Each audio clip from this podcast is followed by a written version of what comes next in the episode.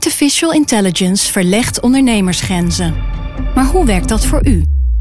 Als transformatiepartner helpt Capgemini u kansen te ontdekken en benutten, zodat we uw ideeën tot leven brengen.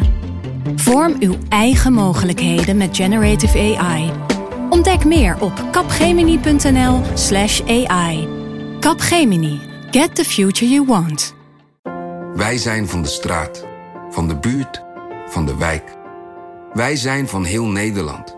Samen zorgen we voor vrolijkheid, verbinding, feest.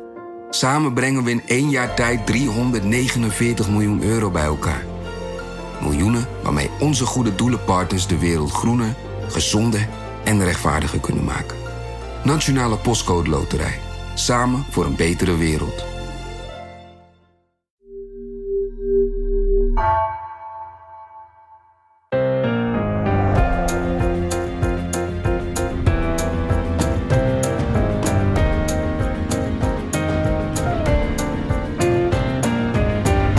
Dit is Haagse Zaken van NRC. Mijn naam is Lemia Aharwai.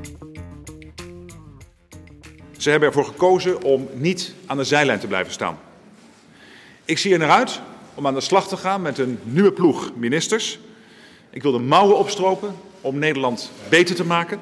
Samen met de collega's van CDA, van D66 en van ChristenUnie. En voor nu aan de slag. Ja, deze woorden sprak Mark Rutte niet vorige week uit, maar in oktober 2017 bij de presentatie van het derde kabinet Rutte. Dat werd toen gevormd door VVD, D66, CDA en de ChristenUnie. En hoewel het er heel lang op leek dat die partijen niet nog een keer samen zouden samenwerken, is dat toch de uitkomst van zes maanden lang praten, ruzie maken en nog meer praten. In deze Haagse zaken hoor je hoe de formatie de afgelopen dagen toch nog vlot werd getrokken en door wie. En dat doe ik met bij mij in de studio Filip de Witwijnen en Peter de Koning. Welkom allebei. Dankjewel. Oké, dus we hebben een half jaar gewacht op überhaupt iets van de start van een formatie. En wat is de uitkomst? Eigenlijk hetzelfde als waar het allemaal mee begon. Of waar het mee eindigt eigenlijk. Ja, we zijn er nog niet. De, de formatie moet nog echt beginnen. Maar er is nu in ieder geval een tafelschikking van eh, de onderhandelingen over een regeerakkoord. Met inderdaad dezelfde partijen als het huidige demissionaire vorige kabinet. Ja. Dus VVD, CDA, ChristenUnie, D66. Ja, we gaan eigenlijk een beetje ontrafelen hoe dit zover heeft kunnen komen. De conclusie van Johan Remkes is dus geweest dat deze partijen nu met elkaar aan tafel gaan om te gaan onderhandelen. Er bleek bereidheid bij vier partijen om met elkaar onderhandelingen te starten over een gewoon meerderheidskabinet, te weten VVD, D66, CDA en ChristenUnie. Daarbij is uitdrukkelijk de mogelijkheid opengelaten voor anderen uit deze negen partijen om in een alternatieve vorm steun te geven. De voorzitters van VVD, D66, CDA en ChristenUnie hebben inmiddels ingestemd met deze conclusie. Het is goed om eerst te beginnen met wat Remkes nog meer vertelde. Hij heeft een eindverslag gepresenteerd. Wat was zijn verhaal? Nou, hij heeft eerst uh, uitvoerig uitgelegd waarom een minderheidskabinet er niet in zat. Mariette Hamer had eerst meerderheidsopties onderzocht, dat lukte niet. Hij had uh, minderheidsopties onderzocht, dat lukte ook niet. Hij heeft heel precies uit de doeken gedaan wie met wie niet wilde en welke steun er dan niet kwam.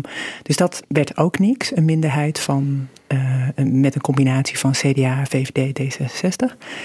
En daarna zei hij, ja, ik heb heel veel partijen bij elkaar gezet en uh, dit kwam eruit. We gaan het gewoon met z'n vieren gaan ze het uh, proberen. Ja, want zijn opdracht was eigenlijk onderzoek een minderheidskabinet. Ja, want de alle minderheidsvarianten die Hamer had bedacht of onderzocht, bleken niet te werken. In het Haagse grond, die bleken niet te gaan vliegen. En nu komen ze toch uit bij een meerderheidsvariant van de huidige coalitie. Die weliswaar iets sterker is geworden na de verkiezingen met uh, een kleine, kleine zetelwinst. Maar D66 wilde dat uh, nooit terug in de oude coalitie.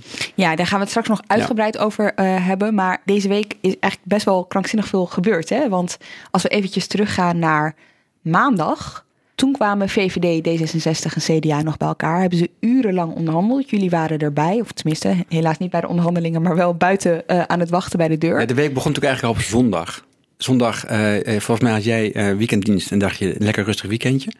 En je had gezegd, ik ga alleen maar, kom alleen maar mijn bed uit als er een minister aftreedt. Dat gebeurde ook nog, althans staatssecretaris ja. Mona Keizer werd weggestuurd. Je zou het bijna vergeten. Precies, dat was, zijn we al lang weer vergeten.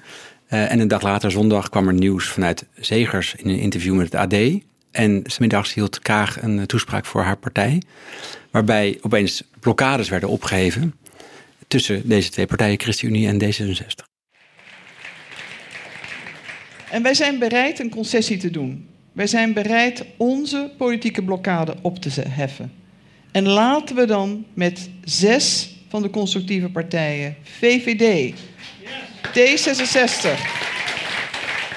CDA, PvdA, GroenLinks en ChristenUnie aan tafel gaan. Zegers had in dat interview gezegd dat medische ethiek niet het allerbelangrijkste Precies. was op dit moment. Ja, en dat hij, uh, nou, hij legde in zoveel woorden ook uit dat hij niet boos was op D66. Hè, waar hij de afgelopen tijd toch best wel vaak had mhm. gezegd: Nou, wij zijn ongewenst en niet nodig verklaard door D66. En dat vond ik zo opmerkelijk aan dat interview in het AD.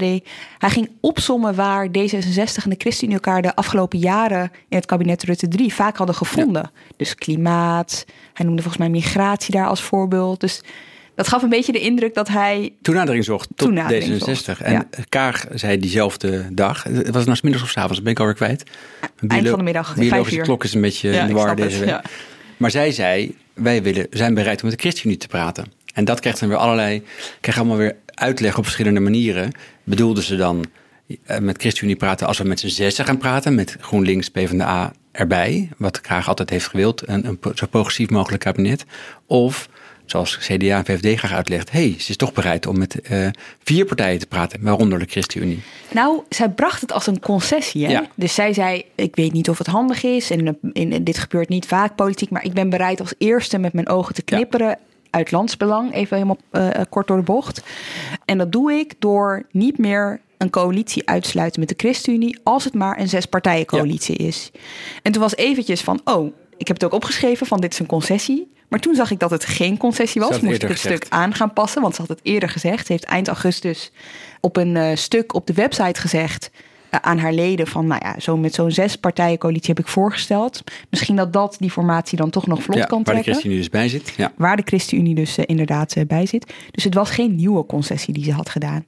En wat je zag was dat sommige media daar een conclusie aan gingen verbinden. Namelijk dat betekent dat als zij met zes partijen begint en eindigt met vier partijen naar onderhandelingen en de vierde partij is de ChristenUnie, dan gaat D66 daar nu wel mee akkoord. Maar dat had zij helemaal niet gezegd in die speech, hè? even voor duidelijkheid. Dat klopt. Alleen in die dagen daarna merkte je dat D66 met dat verhaal rondging. Ja. Wat Kaag bedoelde, is dat de ChristenUnie ook in dat geval niet meer geblokkeerd wordt door D66, als je het nog volgt. Ja, ja. en het argument was voor hem uiteindelijk, we moeten nu door, we moeten bewegen. Wij willen dan wel als eerste bewegen omdat het land moet worden bestuurd. Dat was het besef wat toen al bij uh, D66 in, in was gedaald. Anders hebben we helemaal niks. Anders moeten we misschien uh, nieuwe verkiezingen gaan organiseren. En ik denk, dat is mijn vermoeden hoor, uh, na, wat, na heel veel gesprekken hier en daar, dat ook de gedachte is geweest als wij nu bewegen, dan gaan de anderen misschien ook een beetje bewegen. Dus misschien kan het zijn dat dan toch uh, links aan tafel mag, mag komen te zitten. Maar dat is heel naïef. Heel naïef. Je laat een, een kiertje openstaan helemaal voor Rutte en Hoekstra en ze duwen de ja, deur Het is ook helemaal niet gebeurd. Het is helemaal niet gebeurd. Dus het is, ja. dat is achteraf gezien. Als het, als het strategie was, is het, heeft het niet gewerkt. Bij GroenLinks en de PvdA was op maandag wel het idee van... nou, hier is weer een kans voor ons met z'n zes. Ik, ik liep hier de, de, hele dag rond en ook op dinsdag. En daar was wel het idee van... oké, we hebben net onze teleurstelling verwerkt. Het wordt een minderheidskabinet. We doen niet mee. En daar was opeens een nieuwe kans. Dus het was wel een emotionele uh, achtbaan voor uh, deze mensen. Ja, dat kun je wel zeggen. Ja, inderdaad. Want maandag was het idee Um, ja, zes partijen. Hè, we, we, maakten maandag nog een scenario-stuk, uh, Filip. En toen leek zes partijen nog een van de opties waar het op uit zou kunnen lopen. Hoewel je wel bij die linkse partijen en bij de ChristenUnie hoorde van, nou ja, zes partijen moet dan echt zes partijen zijn. En niet een soort van onderhandeling die dan begint met zes partijen. En dan gaan we elkaar allemaal wegduwen. En dan wordt het heel smerig. En dan vallen er een paar partijen uit en eindigt het toch met vier of vijf. Hoe noemden mensen het ook weer? Het eh, afvalrace. Het, de Hunger Games. Hunger Games, eh, eliminatiespel. Ja. Allemaal nare termen. Nou, daar zaten ze in ieder geval niet op te wachten. Nee. Ik vond het ook interessant dat wij waren aan het wachten. Die, die, die, die maandag was natuurlijk echt een lange dag. Van half twaalf ochtends tot s avonds half tien, tien uur. En ik weet dat al die andere partijen hadden we contact mee, die hoorden ook maar niks. Dus die waren ook in even grote spanning als wat zijn die drie partijen, VVD, D66, CDA, met secondanten erbij en Remkes, wat zijn die aan het bespreken? Wat voor ons van belang is. Dat vond ik heel interessant dat zij dat niet hoorden. Dus de verwachting was bij allemaal eigenlijk, bij iedereen in de Tweede Kamer, de, we krijgen nu een uitnodiging voor zes partijen. Ja. Uh, en toen kwam er een uitnodiging voor, voor negen partijen. Van alle fracties die uh, de motie van de benoeming van Remkes hadden gesteund. Dus toen ging het opeens over een extra parlementair uh, kabinet. Ja, dat is de variant, een minderheidsvariant waarbij een basiskabinet steun vindt in andere partijen. Dus die zes kleinere partijen.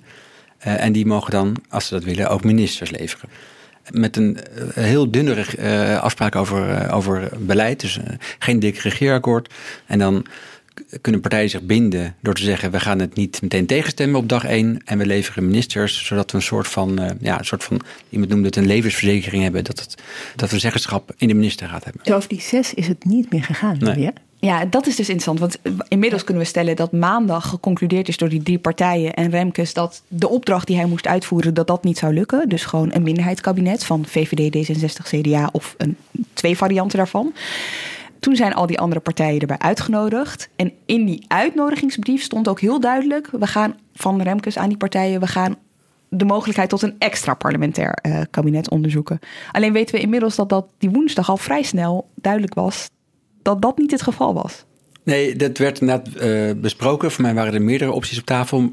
Dat had ook in de brief gestaan hoor, maar hij noemde extra parlementair met naam. Dus iedereen was daar heel erg op gericht.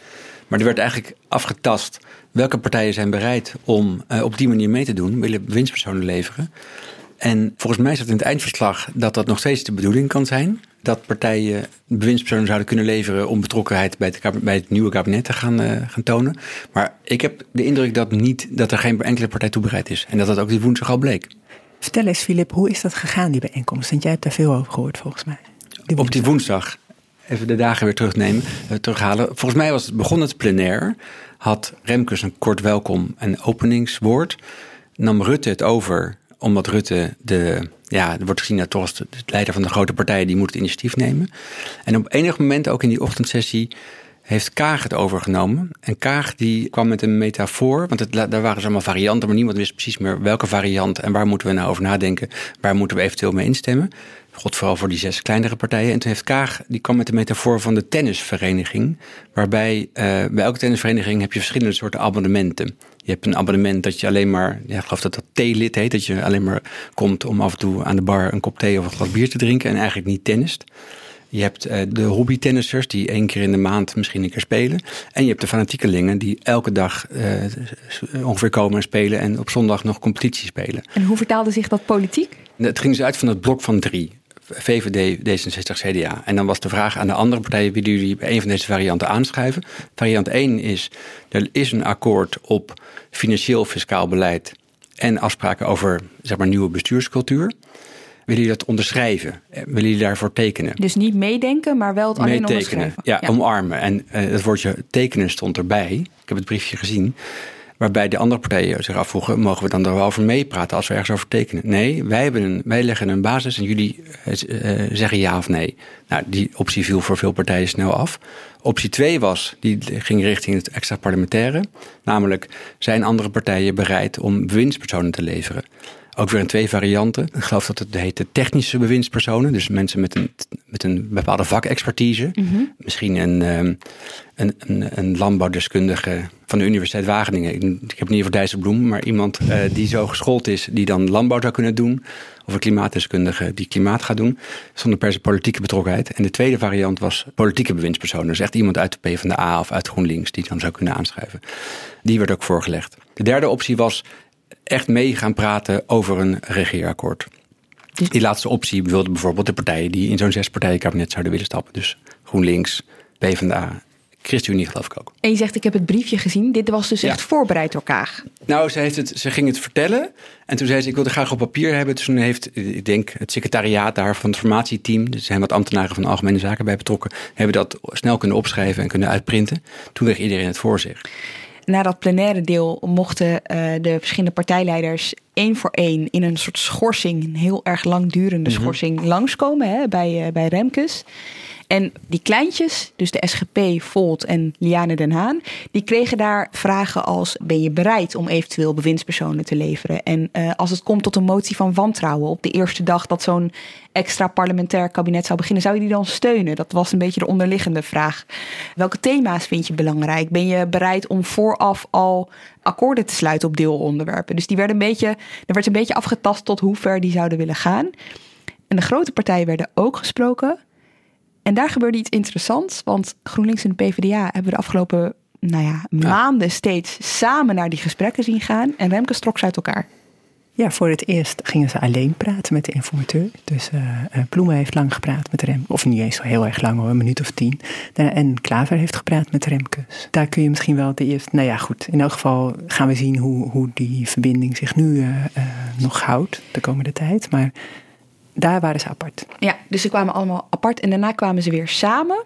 En toen ging Remkes een beetje ja, een soort van conclusies trekken. Hè, naar aanleiding van al die eh, biechtstoelgesprekken uh, die hij had gehad. En toen zei hij ja, dat, wat hij had gehoord van D66. Dat D66 bereid was tot een extra parlementair kabinet. Met steun van alleen de ChristenUnie. En toen kwam er op tafel, Sigrid, ben je dan ook bereid om gewoon te onderhandelen met die vier partijen? En andere partijen zagen tot hun grote schrik slash verwondering dat Kaag daar bevestigend op had gereageerd. Dat, dat zij daar wel toe bereid dat was. Dat is de grote doorbraak geweest. Dat ja, dat toen, was het klaar. Ja, en ik hoorde, ik hoorde nog uh, dat zij toen heeft gezegd, uh, dat anderen zeiden, oh ja, toen zei ze ja, maar niet verder vertellen, want ik moet het mijn fractie nog vertellen. Ook leuk. Alsof mensen dat meteen gaan, uh, gaan, gaan twitteren het gaf ook een beetje het, het, eh, gevoel van vertrouwen aan. Het is oprecht wel interessant, want je zag dus bij andere partijen ook hoe zij. Zij konden letterlijk zien hoe zij die draai aan het maken was. Want de afgelopen maanden heeft hij het steeds gehad over een zo progressief mogelijk kabinet dat zij ja. wilde. En dat werd in dat laatste gesprek, in dat groepsgesprek, werd dat een kabinet met een progressief randje. Dat zou dus D66 zou dat randje aan een kabinet iets kunnen. Anders, ja. ja, precies. Nou, bij sommige partijen zorgde dat voor totale ontreddering. Toen kwam in ieder geval Remkes, dat was op donderdag met zijn persconferentie. Daar vertelde hij wat zijn uitkomst was. Nou, inmiddels dus geen verrassing meer.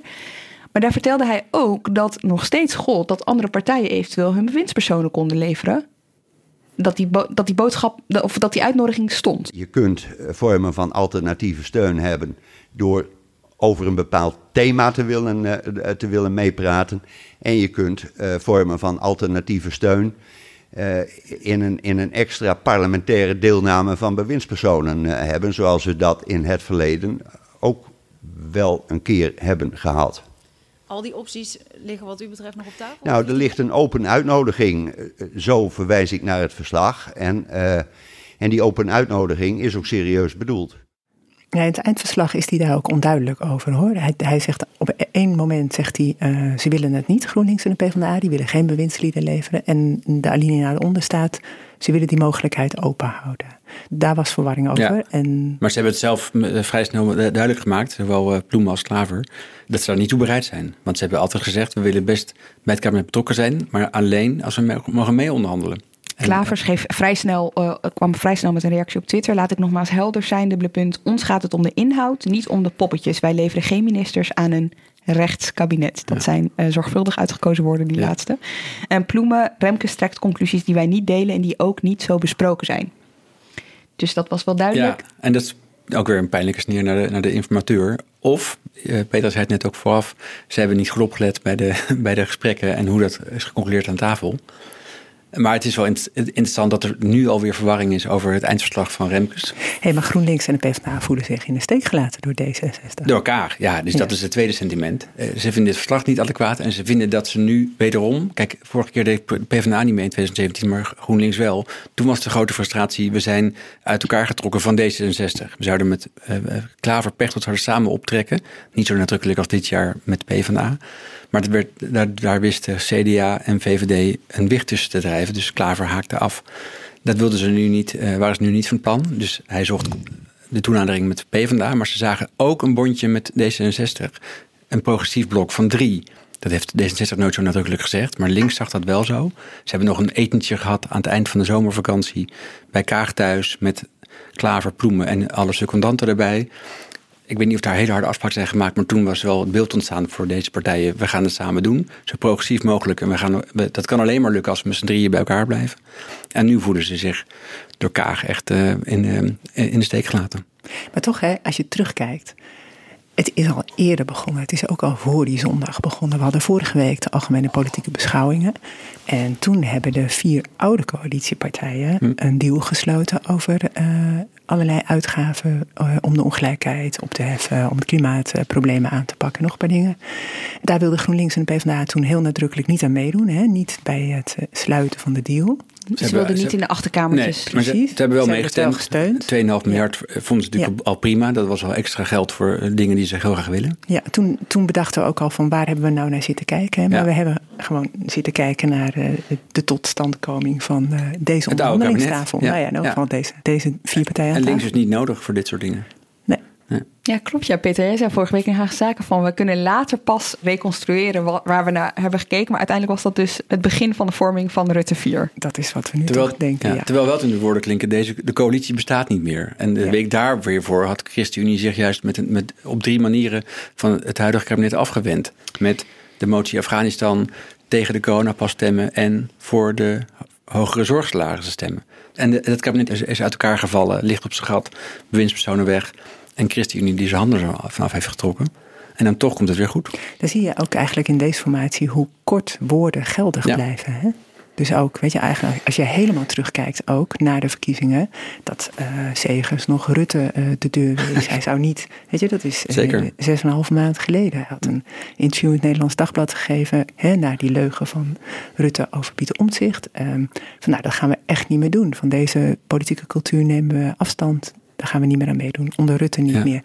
Het Nederlands. Dagblad, Nederlands Dagblad vroeg toen nog van, en ja, als het nou zes maanden duurt. echt waar? ja, nee, we gaan het echt niet doen. Kijk, Segers kwam daar vrij snel Ja. wel weer op terug en heel voorzichtig, maar onmiskenbaar. Heeft het ook En- goed gemaakt met Rutte, toch? Ja, ze hebben het uitgepraat. Ja. En dan heb je nog Kaag, die in diezelfde dagen in april een motie van afkeuring heeft eh, ingediend. Niet alleen gestemd, maar ingediend samen met Hoekstra. En wat dat was haar quote, hier scheiden onze wegen.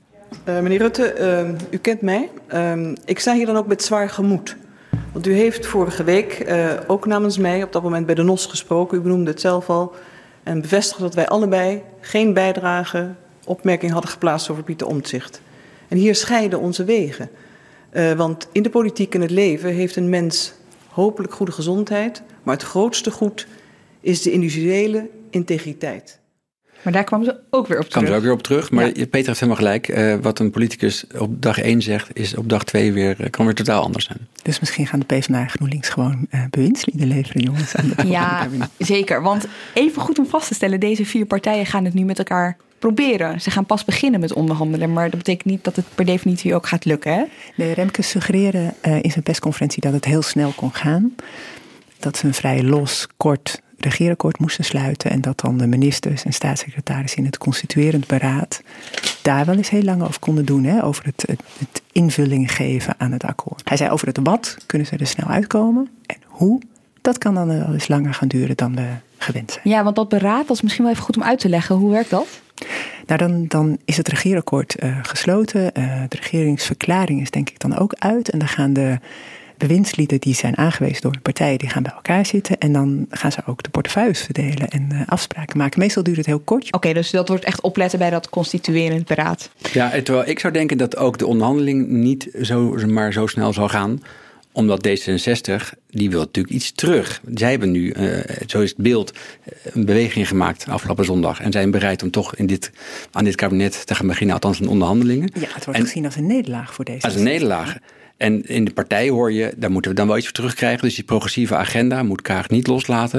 En dat moeten ze echt eh, goed weten, weten uit te spelen.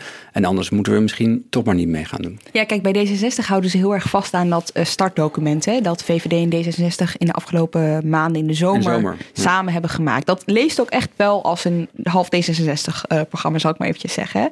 Meer dan de helft, denk ik zelfs. Ja, precies. Het interessante is dat Rutte daar heel anders naar kijkt. Die eh, zei in de week van Prinsjesdag in een persgesprek. Nou ja, dat was gewoon om te kijken of de VVD en D66 samen tot compromissen konden eh, komen. Maar het is niet de basis voor onderhandelingen. Weet je wel, we schuiven het weg, we beginnen opnieuw. Want hij zei ook letterlijk erbij, als wij de conventionele partijen erbij hadden eh, gewild. En dat wilde de VVD, die wilde het CDA erbij. Dan hadden we natuurlijk niet geschreven op die manier over artikel 23 of over medisch-ethische thema's.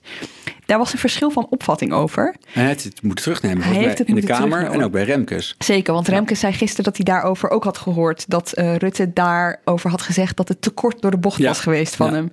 Maar de vraag is natuurlijk, als dit er echt ligt als basis, dan hebben CDA en ChristenUnie natuurlijk wel ook wel wat appeltjes te schillen nog. Ja, en die hebben ook al laten weten, die willen met een schoon papier beginnen. Die willen dat helemaal wegschuiven. ChristenUnie was al niet blij met dat document. Dat hoorden we toen na de zomer van Zegers, nadat hij dat had mogen inzien. Bij het hekje zei hij van, ik voel me niet welkom. En, uh, maar en als ik dat stuk lees, dat is door liberalen geschreven. Daar, daar zijn wij het niet mee eens. CDA zag wel wat openingen, maar had ook kritiek. Uh, de onderwijsparagraaf bijvoorbeeld. Dus die willen gewoon met een schone lei beginnen. En D66 wil, wil vasthouden aan de progressieve punten over klimaat, over onderwijs, uh, stikstofdossier, landbouw. Ja, maar denk ook aan, hè, dus los van alle inhoudelijke dingen, hoe het zou overkomen als ze er na drie weken uit zijn. Dat gaan ze gewoon niet doen. Ik bedoel, ze moeten dit, anders lijkt het net alsof ze in drie weken gewoon op oude voet doorgaan. Dus net zoals uh, de D66-fractie deze week niet in één avondje kon beslissen dat ze toch zouden gaan meepraten met de ChristenUnie en en de andere oude coalitiepartijen. Weet je, daar moesten ze ook nog een ochtend over praten, want dat was echt heel moeilijk. Om te laten zien dat het echt geen simpele beslissing was. Zo zullen ze ook over verwacht ik over dit kabinet niet zomaar, dit voort, de voortzetting van Rutte 3 niet zomaar klaar zijn. Ja, dat, dat is eh, denk ik vooral richting de buitenwereld. Je kunt dit niet eventjes uh, handjeklap zo regelen in een paar weken. Er moet denk ik ook nog iets gebeuren aan het onderlinge vertrouwen. Daarvan zei Remkes, dat is wel weer goed. Ik vraag me af of dat, of dat echt op alle niveaus uh, goed is. Na de, ja, toch de, heel veel narigheid die de afgelopen weken over en weer is, uit, is uitgedeeld. Zullen we ze even opnoemen? Je hebt de HJ schoollezing gehad natuurlijk, waarin Kaag het over Rutte had. Bijvoorbeeld? Nou, jij kwam net al eventjes te spreken, uh, Petra, over Segers die Rutte in de hoek had gezet helemaal aan het begin. Daar is hij ook alweer op teruggekomen. Wat hebben we nog meer gehad? De motie van afkeuring over Rutte, die van D66 en CDA was gekomen uh, helemaal in ja, april. Motie van afkeuring tegen het kabinet, waardoor Kaag is opgestapt en die, die Segers, uh, ChristenUnie, heeft gesteund. Ja, daar valt dus nog wel wat goed te maken. Eén ding fascineert mij nog overigens aan D66. En dan gaan we verder met de volgende partij en hoe zij erin staat. Ik kan nog steeds niet helemaal verklaren waarom zij die draai hebben ingezet. Dus waarom zij op zondag besloten... oké, wij gaan een hand uitsteken richting de ChristenUnie. Zagen zij aankomen dat dat onvermijdelijk was? Eigenlijk is er heel veel van D66, de rol van D66 in deze formatie niet goed te begrijpen. Want we hebben een paar keer ook gedacht dat ze, hè, bijvoorbeeld met die uithaal naar Rutte in de schoollezing, dat D66 uit was op nieuwe verkiezingen. Maar wat uiteindelijk Kaag uh, tot die draai lijkt te hebben gebracht, is het schrikbeeld van nieuwe verkiezingen. Kennelijk durfden ze dat niet aan of hadden ze het idee dat ze dat niet konden uitleggen aan hun kiezers. Maar dat is hè, in de woorden van Kaag ook waardoor ze deze stap zet. Ja, en, dat het en... anders Precies, en, en ook het beeld, het beeld uh, naar buiten brengen van kijk, ons eens uh, bewegen in het lands, landsbelang. In die kliek van uh, nou ja, CDA, VVD die, die, die maar niet willen, maar, maar geen concessie willen doen, laten wij het dan maar doen. Laten wij maar het goede voorbeeld geven. Zo willen ze er ook graag op staan. En inderdaad, het, het angstbeeld voor verkiezingen dat um, niet zo glorieus zal verlopen is de verwachting dan um, hoe het in maart is gegaan. Ja, het is inderdaad een beetje warrig gegaan bij D66 afgelopen tijd. En deze week was er een moment dat echt iedereen op het Binnenhof dacht... waar zijn ze in godsnaam mee bezig bij D66? Ja, dat is wel leuk dat je het woord warrig gebruikt. Want ja. uh, toen werd gespind vanuit D66 dat juist Remkes warrig was... en dat hij te veel zou hebben gedronken. Op die maandag, ja.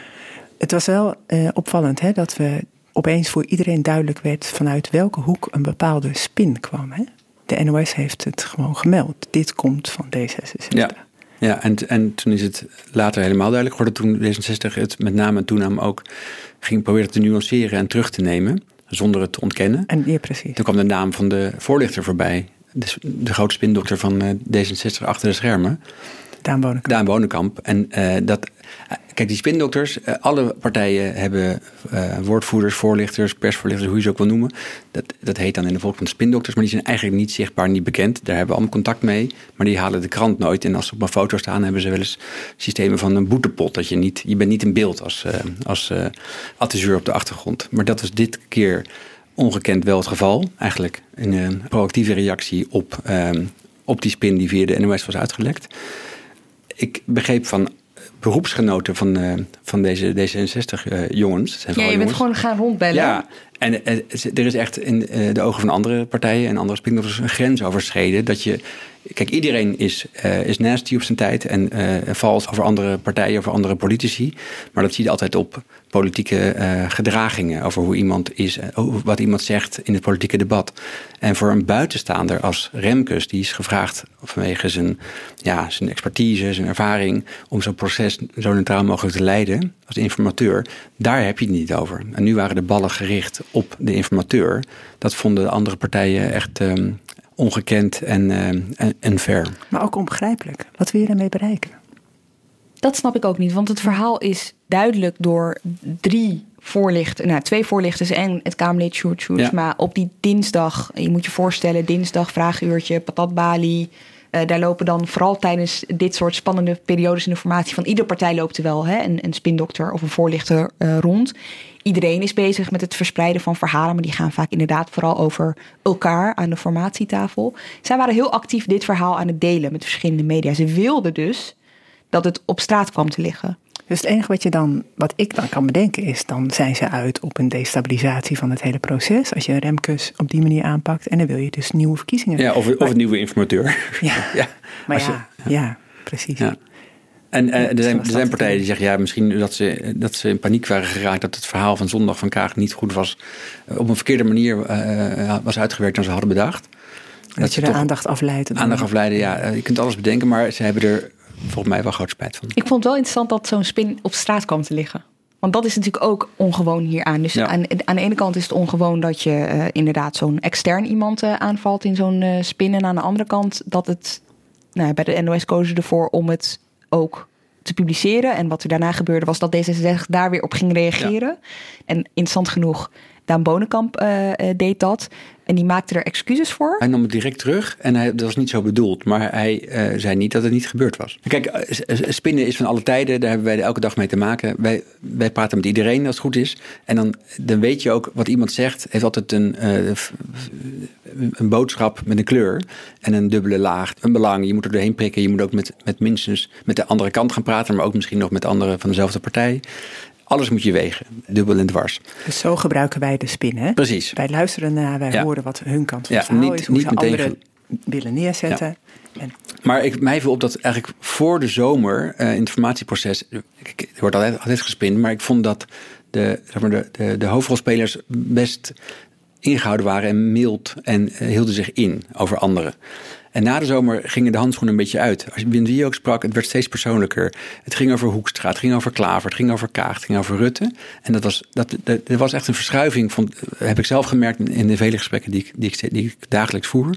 Dat het steeds persoonlijker werd en steeds harder en steeds valser. Nou, ja, tot de dus apotheose dat, dat van nu. hielp ons dan met, bij, de, bij het vaststellen dat de sfeer echt heel erg verziekt en verpest ja. was. Ja. Zo gebruiken wij dan die spin. Ja, en we hebben de bevestiging ervan gezien bij Mariette Hamer, haar eindverslag, waarin ze zei. Uh, bij heel veel gesprekken die zij voerden met partijleiders, moest er eerst worden gepraat over wat er allemaal in de media was gezegd. En er moest er worden goed gepraat. Uh, ze zei ook uiteindelijk, wees wat aardiger voor elkaar. Dat is beter voor het proces om tot een, uh, tot een nieuwe regering te komen. Ik vind het wel interessant wat je zegt, Peter. Hè? Dat, de, wij zien daar aanwijzingen in, ook in die ja. spins. En omdat die handschoenen zo uitgingen... en omdat sommige partijen ook een beetje de afgelopen dagen... in de reconstruerende stand begonnen te, te gaan over de afgelopen maanden groeide bij mij ook een beetje het gevoel dat die nieuwe verkiezingen er ook echt aan zouden komen. Dus dit was voordat, uh, voordat Remkes met zijn eindconclusie kwam en ze toch met vier partijen. Ik dacht echt, ze zijn nu zo bezig met vertellen hoe anderen de schuld hadden van hoe alles mis was gegaan. Mm -hmm. Dat ik dacht, oh ja, dat, ze zijn al bezig met verkiezingen. Ja. Ze zijn hun eigen posities al aan het veiligstellen. Ja, ja, dus jij durfde daar tot het laatste moment niet in te geloven nee, dat het zover niet, niet zou oh, komen? Nee, nee, sterker nog, toen Kaag haar speech hield op donderdag ochtend nee. was dat. Ja, dat, dat had op een uh, bijzondere manier opgebouwd. D66 is onder mijn leiding de verkiezingen ingegaan met de belofte dat we verantwoordelijkheid zullen nemen.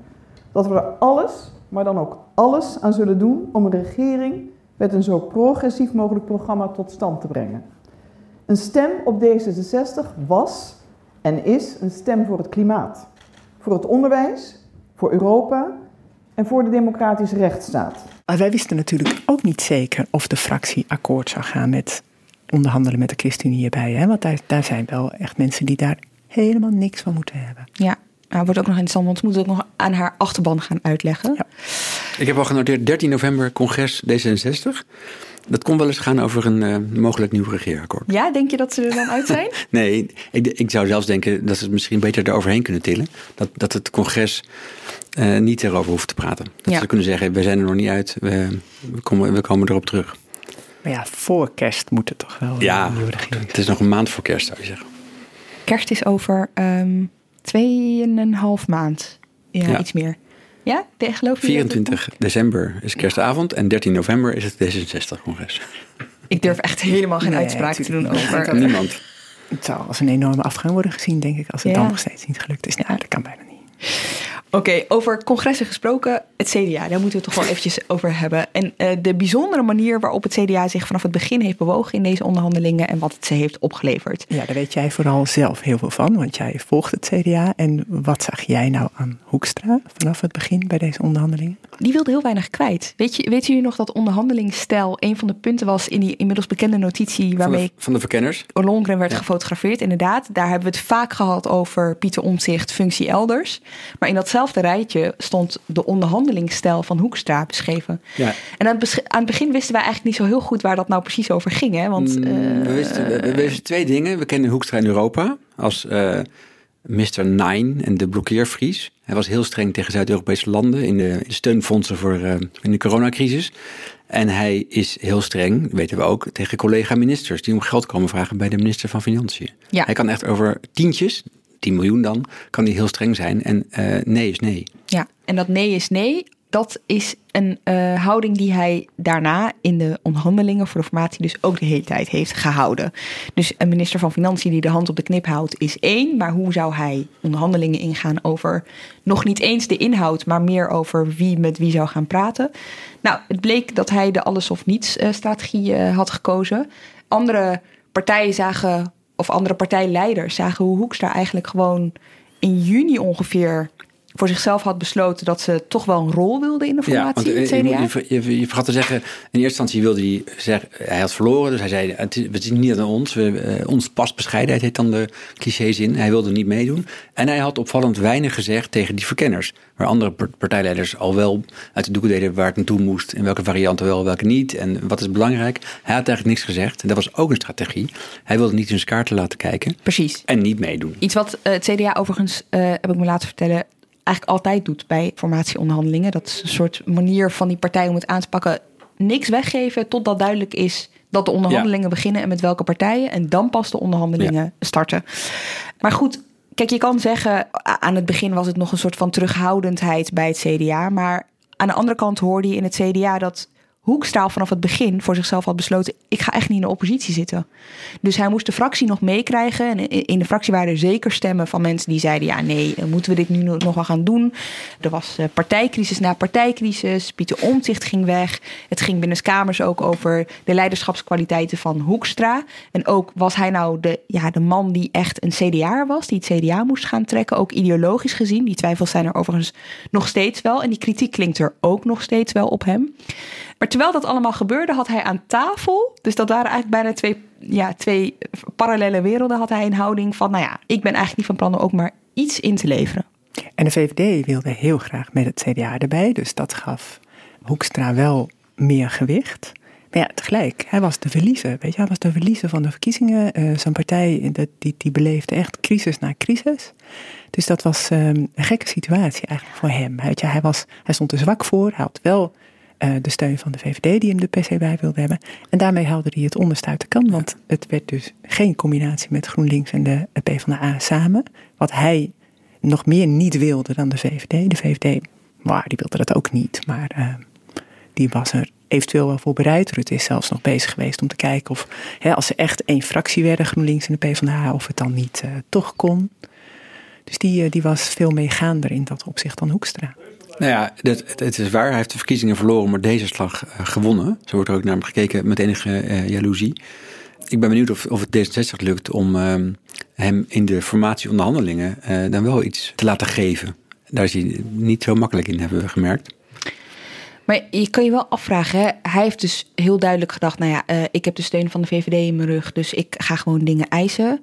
Hij was de enige van de drie aan tafel die met de verkiezingen had verloren. Je zou kunnen denken, Kaag had die positie ook kunnen innemen. Hè? Kaag had ook kunnen denken, nou weet je, we- jullie gaan luisteren naar wat ik wil. Ik ben de winnaar van deze verkiezingen en anders kunnen jullie het zonder mij gaan uitzoeken. Want ook zonder D66 zou het vormen van een kabinet heel moeilijk worden. Ja, het lijkt erop dat zij dat nooit heeft uitgespeeld op die manier. Weet je, Ja. ze heeft wel zes maanden lang is er, is er niet onderhandeld met de ChristenUnie en, en in de oude coalitie, omdat zij dat per se niet wilde. Maar ja, het is nu wel zo ver gekomen. Toch was het wel een. Het, het, het, deze strategie was wel risicovol voor het CDA. Want als het echt was gekomen tot verkiezingen, dan stonden zij er het echt het allerslechtst voor in die peilingwijzer. Dus het afgewogen gemiddelde van alle peilingen. Het is een grote marge, maar scoren zij tussen de 5 en 11 zetels. Ze hebben er op dit moment 14 in de Kamer. Ze worden echt gewoon leeggevreten door onder andere BBB van Caroline van der Plas. Mhm. Tenminste, dat is het vermoeden. Dus stel dat het nou echt was uitgedraaid op verkiezingen. Ja, ja dat, dat kon hij eigenlijk helemaal niet laten gebeuren. Hij als, als allerlaatste kon dat laten gebeuren. Maar hij, het was precies wat jij net zei, alles of niets. Dus niets was voor hem geweest. Misschien wel met eh, drie zetels terugkeren in de Tweede Kamer. Dus gegokt en uh, gewonnen in dit geval. En er speelt ook nog persoonlijk belang voor Hoekstra. Hij wil, dat weet ook iedereen eigenlijk wel, hij wil eigenlijk gewoon graag minister van Financiën blijven. Dan moet je allereerst meeregeren. Dan mag je als partijleider zeggen wat je wil. Of je in de Kamer gaat zoals zijn voorganger Buma uh, deed. Hij wil het liefst uh, minister blijven. En het liefst op deze post Financiën. Maar één dingetje, CDA is niet meer de tweede partij, dus hij kan niet dat zonder meer claimen. D66 heeft daar de eerste recht op. En die hebben ook wel wat kandidaten voor het eh, ministerschap van Financiën. In, nou noem eens wat, Wouter Koolmees, die daar vandaan komt oorspronkelijk. En Hans Velbrief, de huidige staatssecretaris van Financiën. Of Sigrid Kaag. Of Sigrid Kaag, alhoewel die is financieel gezien denk ik iets minder... Uh, iets minder bedreven. Maar dat kan, die mag dat claimen. Maar dus, dat wordt voor Hoekstra in de onderhandelingen uh, over het regeerakkoord een, een parallele onderhandeling. Uh, de tweede, de poppetjes. Dan gaat het echt over zijn eigen positie in het volgende kabinet. Ik denk dat het toch inhoudelijk ook voor het CDA wel moeilijk gaat zijn hoor. Want dit wordt een kabinet dat op uh, bijvoorbeeld stikstof of op klimaat stappen moet gaan maken. Ik denk dat iedereen daar wel over eens is. En in die begroting zijn de eerste stappen al wel gemaakt. Door grote investeringen te doen. Maar ja, voor een partij die al een beetje aan het zoeken is... waar staan we nou eigenlijk voor? Voor wie zijn wij er?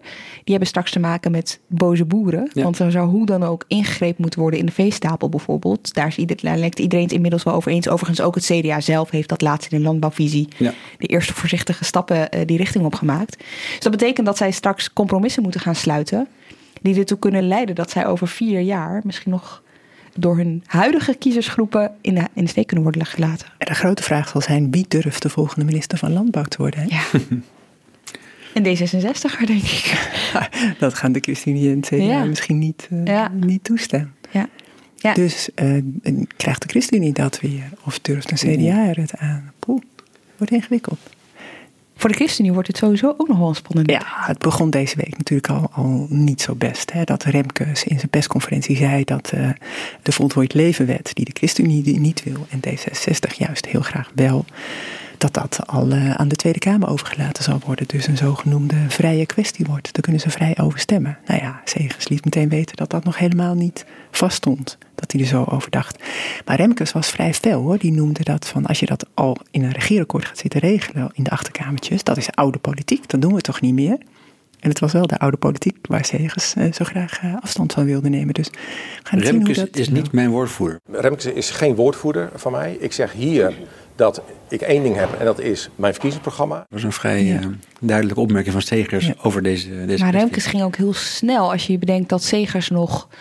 Weet je, het is best wel snel gegaan bij de ChristenUnie. Die moet zijn achterban überhaupt nog meenemen in het feit dat zij toch wel aan tafel gaan. Ja, ja dat, ik denk dat het heel onhandig was van Remkes om dat zo te zeggen in die persconferentie. Ja, over, overigens ben ik best wel benieuwd. Dit wordt natuurlijk een heikel punt de, de komende tijd aan de formatietafel. Hoe gaan ze dat oplossen met die voltooid levenwet? Wordt het een vrije kwestie of gaan ze er echt afspraken over maken in het regeerakkoord? Als het een vrije kwestie is, dan laat ze het eigenlijk over aan de Kamer en dan mag die ermee instemmen of niet. Ja, en de kwestie was in de afgelopen regeerperiode geparkeerd als het ware. Precies. En nu wil D66 echt wel dat, het, dat die wet, de initiatiefwet nog van Pia Dijkstra, vorige, vorige voormalig Kamerlid, dat het nu echt wel wordt ingediend. En nou, als het een vrije kwestie zou zijn, dan is het overigens nog maar de vraag of hij het redt. Maar stel je voor dat hij het redt, dan kan de regering nog iets bedenken, een trucje. Daar had Remkes het ook over. Dan kunnen ze de uitvoering ervan tegenhouden. Dus de wet aangenomen, maar we gaan hem nog niet met een contrastscène, zoals het heet, ondertekenen. Zodat we het nog niet hoeven uit te voeren. Hij suggereerde eigenlijk dat is een way out voor de ChristenUnie om er dan mee te kunnen leven. Maar goed, ja, ja maar dat gaat D66 toch nooit Nee, dat wil D66 niet, want dat is al gebeurd. En ze willen niet nog een keer vier jaar stilstand op dit dossier. Ja, maar het is wel een way out voor de ChristenUnie. Want daar denken ze zelf ook over na op die manier. Ja. Van, wij kunnen het echt niet aan als wij de reden, weet je, als in een kabinet waar wij onderdeel van uitmaken, dat dit dan uitgevoerd wordt. Dus dat mensen dan er gebruik van kunnen maken terwijl wij aan de knoppen zitten. Ja, en opvallend, uh, in dat uh, basisdocument van uh, VVD D66 in de zomer stonden nog wat kwesties waar de ChristenUnie het helemaal niet mee eens is. Bijvoorbeeld artikel 23 over het vrijheid van onderwijs, de, de, wat dan heet de modernisering van de embryowet en abortus. Um, het regenboogakkoord. Het regenboogakkoord over uh, emancipatie. Er valt er nog heel veel um, uh, ruzie te maken, zou ik denken, in die, aan, die, aan die onderhandelingstafel over deze kwesties. Ik heb zomaar het idee dat we het hier nog heel vaak over gaan hebben ja, in Haagse ik, zaken. Ik, ik, denk het ook, maar nog één ding hierover. Hè, want ik, uh, Peter, de afgelopen tijd hadden we ook wel wat verhalen waarin we... Kijk, we hoorden ook wel dat, dat ze bij de ChristenUnie echt niet helemaal zaten te wachten op nog een keer meeregeren. Dus waren ook gewoon een beetje moe. Ja, kleine uh, fractie. Kleine fractie, vier jaar uh, coalitie. Nou, sommigen waren we ook wel even toe aan de oppositie. Ja, ja hoor, en toen uh, het steeds duidelijker werd dat D66 hen er echt niet bij wilde hebben, dachten ze ook van oké, okay, dan, hoeft niet. dan hoeft het niet. Nee, precies. En nu gaat het toch gebeuren. En hoe zit, gebeuren. Ik, ik ben uh, best wel benieuwd. Hebben zij bewindspersonen bijvoorbeeld? Hebben zij een lange lijst aan bewindspersonen die zij, waar ze gebruik van kunnen maken? Ja, Zegen schijnt wel een, een lijstje te hebben, maar het zijn niet uh, evidente namen. Ja, Carola Schouten, dat is nogal voorstelbaar dat hij uh, opnieuw minister wordt. Arie Slop en Paul Blokhuis, ja, dat moeten we zien. Hoe, ja. hoe die, die worden geëvalueerd en of ze er nog op staan. Ja. En bieden er nog meer. Ik zou Zegers zelf willen? Nou ja, de vorige keer wilde hij per se niet en vond hij dat hij als uh, politiek leider in de Kamer moest blijven. Nou, dat is een interessante vraag. Dat gaan we aan hem voorleggen. Ja, want uh, de andere fractieleiders, uh, Wok Hoekstra, die zal echt meteen in het kabinet willen. Dat geldt ook voor Sigrid Kaag. Dus, nou ja, Mark Rutte, daarvan is het bekend dat hij de sleutel van het torentje nog even houdt. Dus... Ja, voor Kaag is wel interessant, want ik geloof net dat zij graag wil terugkeren als minister. Maar die is natuurlijk net afgetreden als minister. Mm -hmm. En in het, bij het vorige kabinet, toen was vlak voor de nieuwe de installatie van het nieuwe kabinet was uh, Hennis afgetreden als minister van Defensie. En dat zag zij en anderen ook als een belemmering om terug te keren in het volgende kabinet als minister van Buitenlandse Zaken. En ik denk niet dat Kaag dan op buitenlandse zaken terecht kan komen, uh, zo makkelijk, waar ze net is afgetreden. Dan moet er een andere post worden verzonnen. Maar eerst misschien die vraag: is het wijs, verstandig, goed voor de beeldvorming als zij überhaupt terugkeert? Er is één partij en die lijkt van dit alles weinig last te hebben. En dat is de VVD, Petra. Ja, de VVD. De VVD heeft de verkiezingen gewonnen. Kwam eruit als de grootste partij. Een beetje groter geworden. Uh, maar daarna was, uh, uh, lag Rutte enorm onder vuur in de Tweede Kamer. Dat heeft de partij in de peiling in elk geval geen kwaad gedaan. De VVD staat er echt enorm goed voor in de peilingen. Dus het, het schrikbeeld van verkiezingen, dat, ja, dat, dat was voor de VVD een stuk kleiner dan uh, voor andere partijen. Alhoewel je ook kunt zeggen, weet je, als Rutte uh, het niet voor elkaar krijgt als leider van de grootste partij, dat hier iets uitkomt, dan straalt dat uiteindelijk ook op hem af als een nieuwe verkiezingen. Die campagne, daar had echt alles nog verschoven kunnen worden, hè? Ja hoor, dat weet je ja. inderdaad niet. Ja. ja. Maar goed, ze zijn er zo op het oog um, op een rustige manier doorheen gekomen. Uh, heel weinig mensen hebben het nog over, over Rutte en uh, die motie van wantrouwen die bijna werd aangenomen. Ja, over zijn geloofwaardigheid. Ja. ja. Ik heb hier een verklaring van dat uh, de VVD in de peilingen eigenlijk alleen maar groeit. Dus iedereen voelt er wat van. D66 in de peiling staat lager. Nou, CDA hebben we over gehad. De ChristenUnie blijft ongeveer gelijk en de VVD groeit. Nou ja, geen, geen andere politiek leider heeft de leiding kunnen nemen na het voorjaar. Ik bedoel, Rutte heeft niet een, een, duidelijke hoofdrol gespeeld in deze formatie. Hij is een beetje achter de rug van uh, Hoekstra gaan staan, hè, als het ging over uh, die twee linkse partijen. Um, dus, maar niemand heeft dat kunnen overnemen. Niemand heeft duidelijk gezegd van oké jongens, zo gaan we het doen. Dus uh, dan is het nog steeds Rutte. En ik denk dat de mensen die op Rutte willen stemmen, op de VVD, uh, zeg maar, al die bezwaren op Rutte, alle, de, de, de, vele kritiek van andere partijen, dat die niet zo leeft bij de mensen uh, in het land, de, weet ik het, de ondernemers die op VVD willen stemmen. Die, de grote problemen in de toeslagaffaire raakt niet uh, de achterban van de VVD, lijkt het. En alle verwijten hier, de politieke verwijten, vinden mensen ook niet zo boeiend. Die denken, die zien in Rutte een, toch een stabiele leider, omdat hij zo makkelijk en zo soepel is en met iedereen kan omgaan. En die wil de belastingen graag laag houden. We zagen toch ook in die, in die uh, onderzoeken van een paar weken geleden dat het vertrouwen in de politiek enorm is gedaald. Ja. Maar dat het in, bij Rutte nog wel meevalt.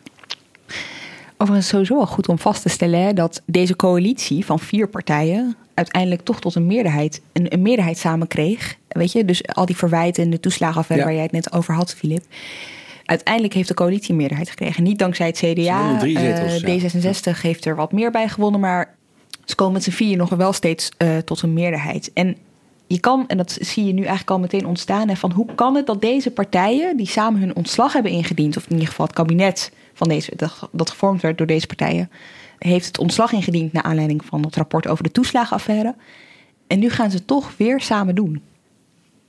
Ja, dat, daar moeten de politicologen maar uh, wat uh, promovendi op zetten. Dat, dat, is e-, echt heel bizar. Het gaat over de toeslagenaffaire en het ging over de, over de bestuurscultuur die verrot zou zijn. En alles in achterkamers regelen. Daar was Mark Rutte de verpersoonlijk van, verpersoonlijking van.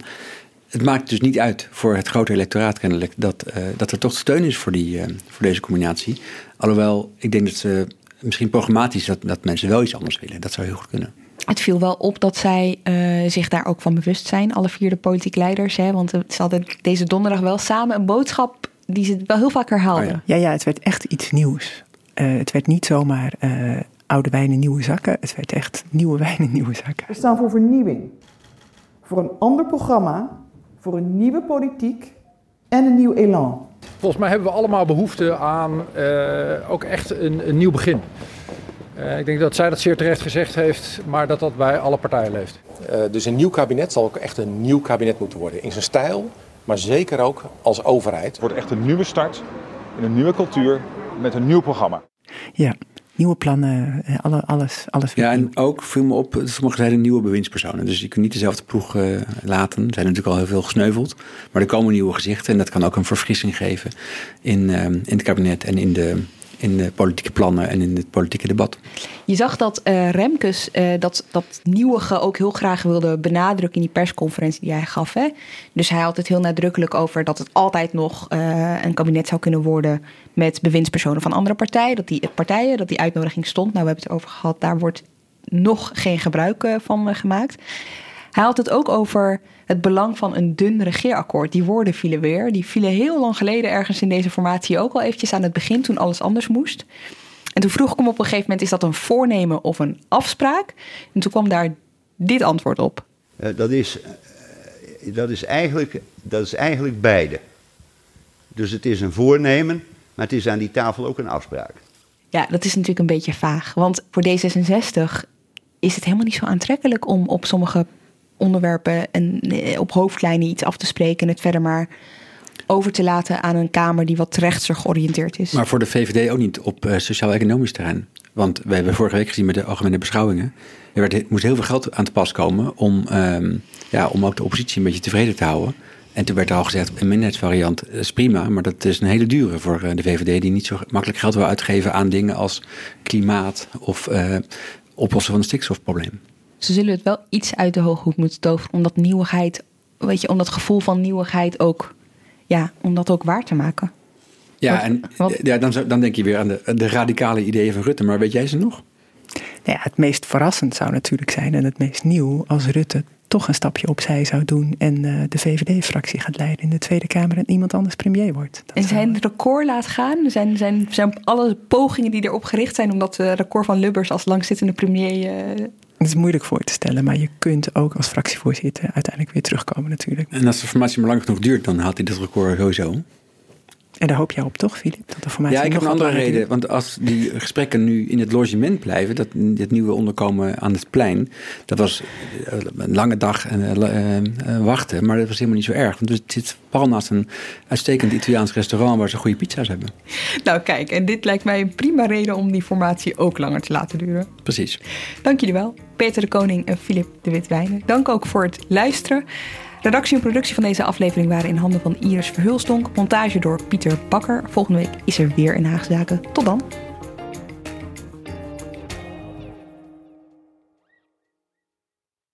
Je hebt aardig wat vermogen opgebouwd. En daar zit je dan, met je ton op de bank. Wel een beetje saai, hè? Wil jij, als belegger, onderdeel zijn van het verleden of van de toekomst? Bridgefund is een slimme fintech die een brug slaat tussen de financiële behoeften van ondernemers en van beleggers. Dus wie belegt bij Bridgefund krijgt niet alleen een mooie vaste rente, maar brengt ook ondernemers in beweging. Echt waar, met die ton kan je zoveel betere dingen doen. Bridgefund. Make money smile.